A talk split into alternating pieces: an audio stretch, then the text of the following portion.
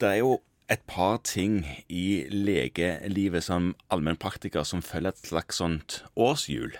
En av de tingene der er jo dette med vaksiner. og Nå tenker jeg ikke på um, barnevaksinasjonsprogrammet, nå tenker jeg på sesonginfluensavaksinen. Ja, den kommer jo snart. Ja, og så kommer den snart av og til. sant? Ja. Nå er vi akkurat nå tilfeldigvis inne i et område, tid på året hvor den kommer. Ja.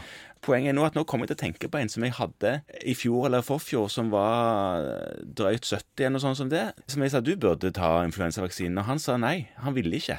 Nei. Nei, han, han, Det syns han ikke han trengte, sa han. Hvorfor vil han ikke det, da? Nei, for han var jo aldri influensasyk. Han trengte jo ikke det. Han var frisk og rask, sa han. Ja vel, sier jeg. Dårlig eh, undersøkt, altså. Dårlig undersøkt. Ja, eh, ja, kanskje han var det. Men poenget var at han Det syns ikke han, han at var noe poeng. Det syns- det, han satt ned og sa det syns jeg ikke. Ingen Nei. argumenter utover det. Og det, det møter vi jo av og til. Og så tenker jeg at det vi da kan vende oss til, hva, hva veilederen sier. Og den sier jo, som du jo tydeligvis vet, da, siden du mente han skulle ha det, er jo at alle over 65 bør ha den vaksinen. Ja visst. Eh, I tillegg til en del andre risikogrupper. Og, og grunnen til at disse risikogruppene er blitt oppsatt som anbefalt i forhold til denne vaksinen, Ja. er jo at totalt sett i sum og i store grupper så vil de ha en betydelig forhøyet risiko for å bli alvorlig syke av influensa, og for å bli lenger syke. Og På alder så handler jo det om at, at man er jo dessverre så blir man litt immunsupprimert når man blir eldre. Har ikke så sterkt immunforsvar som man hadde. Og man har ikke de samme ressursene til å, å komme seg igjen hvis man blir syk. Nettopp. Og akkurat det siste argumentet er kanskje noe som man kan bruke overfor mange pasienter i disse risikogruppene. At ja, én ting er at du får influensa og i utgangspunktet overlever det. Ja. Men når du da har enten en kronisk sykdom, sånn som hjertesyke, de med diabetes, de kronisk lungesyke, de med kronisk lever- eller nyresykdom, selvsagt de med nedsatt immunforsvar, alle disse gruppene, Ja. de vil ha en forlenget rekonvalesens. Sånn at hvis du først blir syk, så tar det så uendelig mye lengre tid før du kommer deg. Du har så lang hale med, hvor du bruker tid på å komme deg tilbake til hektene igjen. Ja, og det gjelder også eldre. Det vet vi jo allerede, vi nå som jo på en måte er på toppen av livet, at små barn de kommer seg jo utrolig mye fortere enn voksne. De Ja, går sant. fortere, og de blir friske fortere. Og jo eldre du blir, jo seinere blir du frisk av den samme tingen. Derfor er det et godt rasjonale bak at eldre over 65, og de med kroniske sykdommer, de bør ha det. Og så er det et par grupper til som står i denne her. Det er jo annet de gravide i andre og tredje trimester. Ja, for der kommer vi òg ofte med diskusjoner. Altså, Gravide i første trimester, de kan jo òg få. De kan også få, men det aller viktigste er de i andre og tredje trimester. Og grunnen til det er jo egentlig at det å være gravid, det er jo en immunsupprimerende behandling. Immunforsvaret ditt skrus ned når du blir gravid. Og grunnen til det er jo det at ellers så ville nok antageligvis komplikasjonsraten med det å gå og bære et eller annet delvis fremmed individ inni seg i ni Ja. måneder, Ja. blitt mye, mye større. Eh, Sånn at rent sånn biologisk så er det fornuftig å være mindre aggressiv i immunforsvaret sitt når du er gravid. Det er sant. Da tåler du å få over blod og molekyler, proteiner fra fosteret, Ja. uten at du får en avstøtningsreaksjon eller en immunreaksjon. Men det gjør deg òg mer utsatt for infeksjoner. Noe halvparten av befolkningen vet noe om. Ja, for dette er jo sånn som eh, en del av de som er motstandere av vaksiner, barnevaksiner eller Ja. vaksiner generelt, vil jo komme med det argumentet at eh, ja, men når jeg får vaksine, så føler jeg jo at eh, vi tilfører kroppen noe kroppsfremmed, og så får ikke kroppen ta hånd om infeksjonen sin sjøl.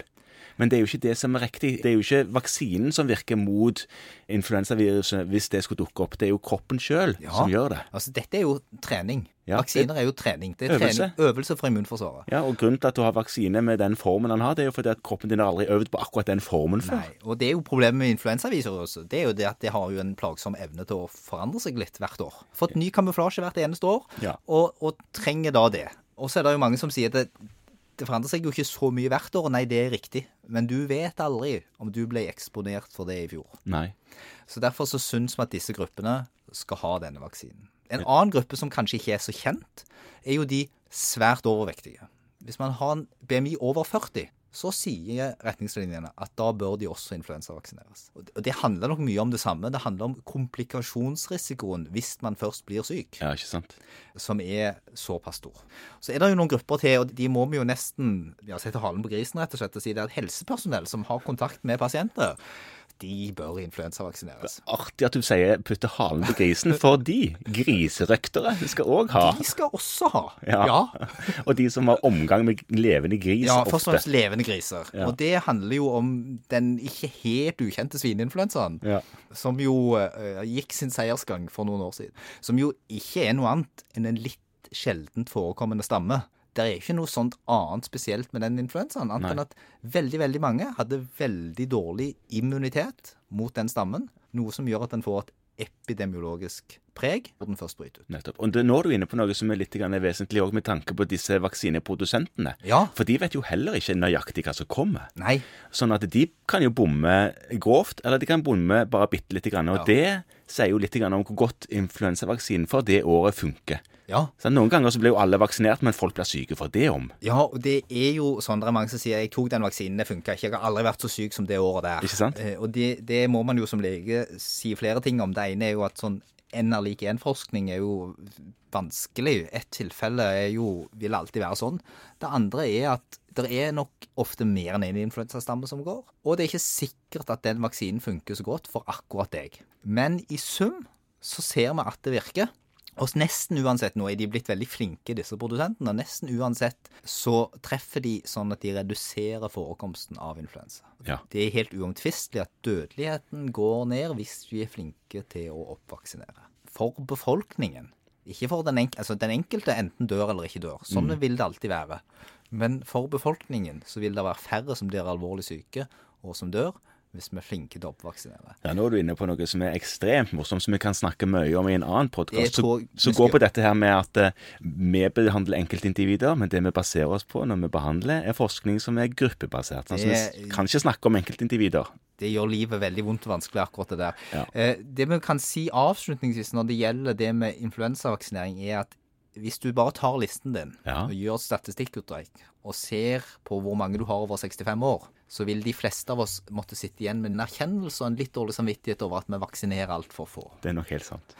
Sånn at vi skal nok ta med oss tilbake i alle våre praksiser at vi må kikke litt nøyere over hvem vi anbefaler denne vaksinen til. Det må vi.